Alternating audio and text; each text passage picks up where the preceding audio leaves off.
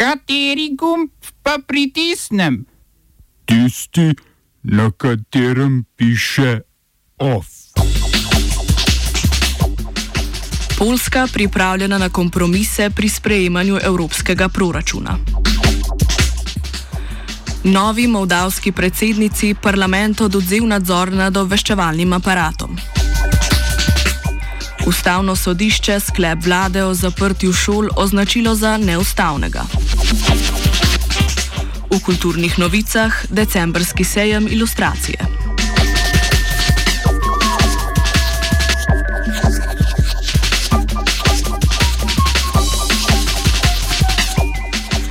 Moldavski parlament je sprejel zakon, ki je novo izvoljeni predsednici Maji Sandu zmanjšal pooblastila. Na letošnjih predsedniških volitvah je Sandu odnesla stolček Igorju Dodonu, proruskemu predsedniku s tretjino poslancev v parlamentu. Ne samo, da je parlament ruščino priznal za uradni jezik, nadzor nad obveščevalno službo je oduzel predsedniku in ga dodelil parlamentu. Enako pravico so leta 2014 parlamenta prenesli na tedanjega predsednika Dodona. V parlamentu s 101 enimi sedeži so zakon sprejeli z 51 glasovi. To je sprožilo protest več tisoč ljudi, ki so se zbrali pred parlamentom. Sandu pa se je zauzela za predčasne parlamentarne volitve.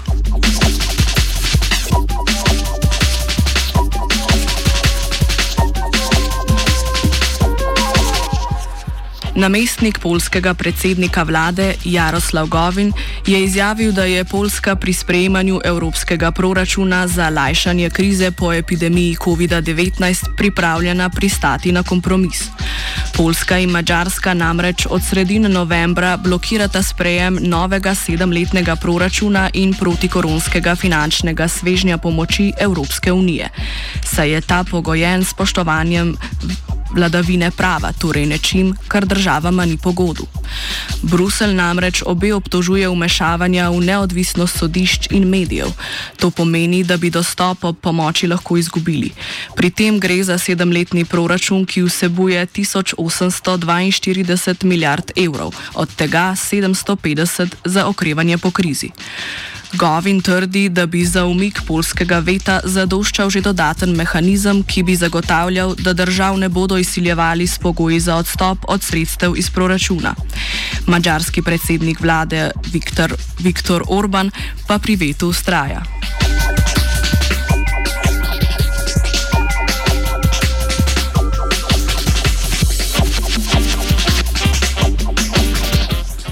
Združene države Amerike so prepovedale uvoz bombaža in bombažnih izdelkov, ki jih pridobiva kitajsko vojaško podjetje XPPC, ki operira v provinci Xinjiang.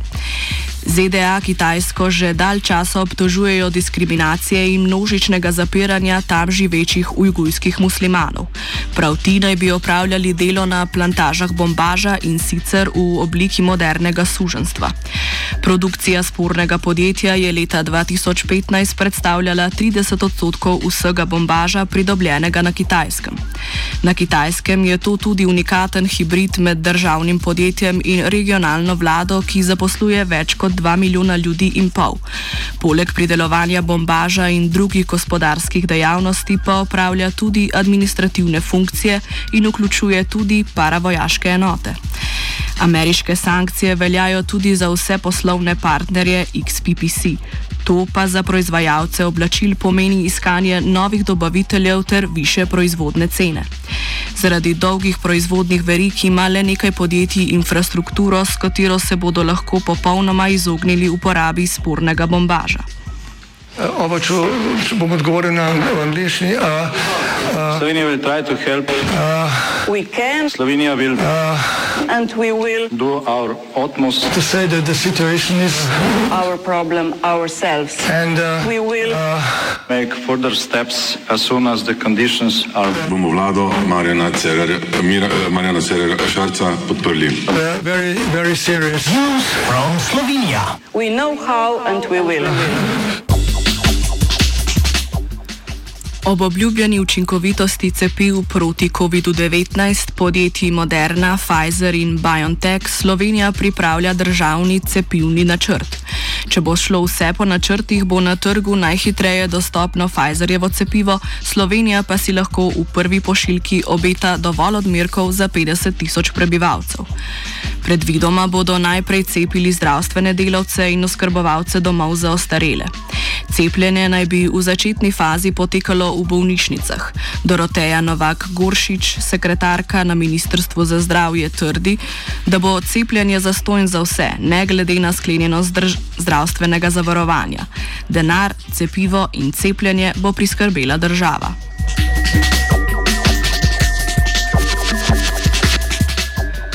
Preden cepivo prinese morebiten oddih, ima Slovenija v načrtu tudi množično testiranje prebivalstva.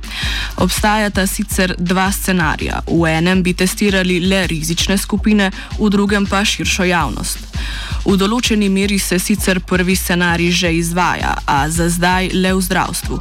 Druge dejavnosti, v katerih bi izvajali testiranje, bi bile šolstvo, policija in podobno. Množično testiranje naj bi se začelo že pred koncem leta, v ta namen so naročili približno pol milijona hitrih testov.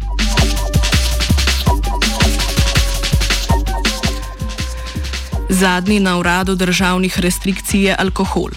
Od ponedeljka namreč ne bo več možno prevzeti alkoholnih pijač.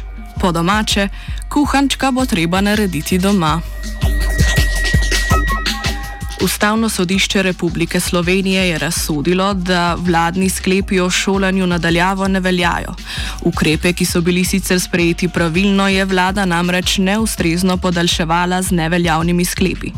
Ti namreč niso bili objavljeni v uradnem listu, kar pomeni, da niso nikoli uradno pričeli veljati. Vlada ima tako tri dni časa, da napako odpravi, potem pa se bodo šole vrnile v ustavljene tirnice. Vlada mora v tem času presoditi tudi smiselnost zapiranja šol. Če bodo te še dlje zaprte, bo ustavno sodišče omogočilo odprtje šol za otroke s posebnimi potrebami, saj je presodilo, da je škoda zaradi zaprtja večja od potencijalne nevarnosti ob odprtju. Proti razsodbi je bil le Klemen Jaklič, ki je napovedal pripravo ločenega pravnega mnenja, na katerega pa ustavno sodišče ni počakalo pri objavi svoje odločitve.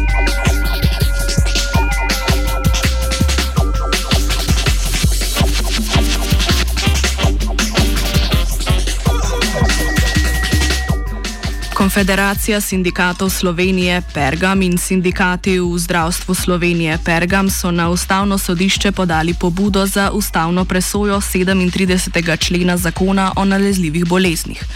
Ta namreč omogoča omejitev pravice do stavke za zdravstvene delavce in sodelavce.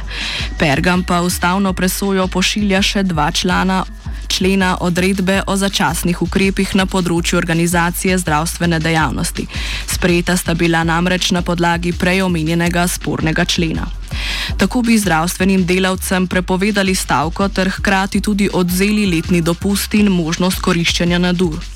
V sindikatu trdijo, da sicer razumejo določene omejitve določeno omejevanje osebnih svoboščin, a mora biti to v skladu z ustavo in sorazmerno. Za take ukrepe v sindikatu ne vidijo potrebe, hkrati pa opozarjajo, da se Ministrstvo za zdravje na pozive k dialogu ni odzvalo. Več o, problemat o problematiki člena ter odloč pove predsednik KSS Pergam Jako Počivalšek. V našem prepričanju gre za uh, na eni strani za ukrepe, ki so prekomerni, nenujni, nesorazmerni um, in pa tudi presegajo pooblastila, ki jih daje ustava. Ustava namreč določa, da je mogoče pravico do stavke omejiti samo zakonom, če to zahteva javna korist. Uh, pravica do stavke v zdravstvu je že omejena z zakonom o zdravstveni dejavnosti. Uh, Niti ustava, niti tudi zakon o nalezljivih boleznih um, ne omogoča popolne prepovedi pravice do stavke, kar je minister uh, s svojo odredbo uh, storil. Um, kar se pa tiče uh, koriščenja letnega dopusta in viška ur, pa je treba povedati, da gre za pravice, ki se koristijo dvostransko. Um, torej, že obstoječa zakonodaja omogoča, seveda, da delodajalec odreče delavcu koriščenje dopusta ali pa koriščenja ur, vkolikor to, to ne dopušča um, delovni proces. Prepovedjo pa je to onemogočeno tudi tistim, ki z epidemijo COVID-19 nimajo uh, nikakršne povezave. OF je pripravila Lucija.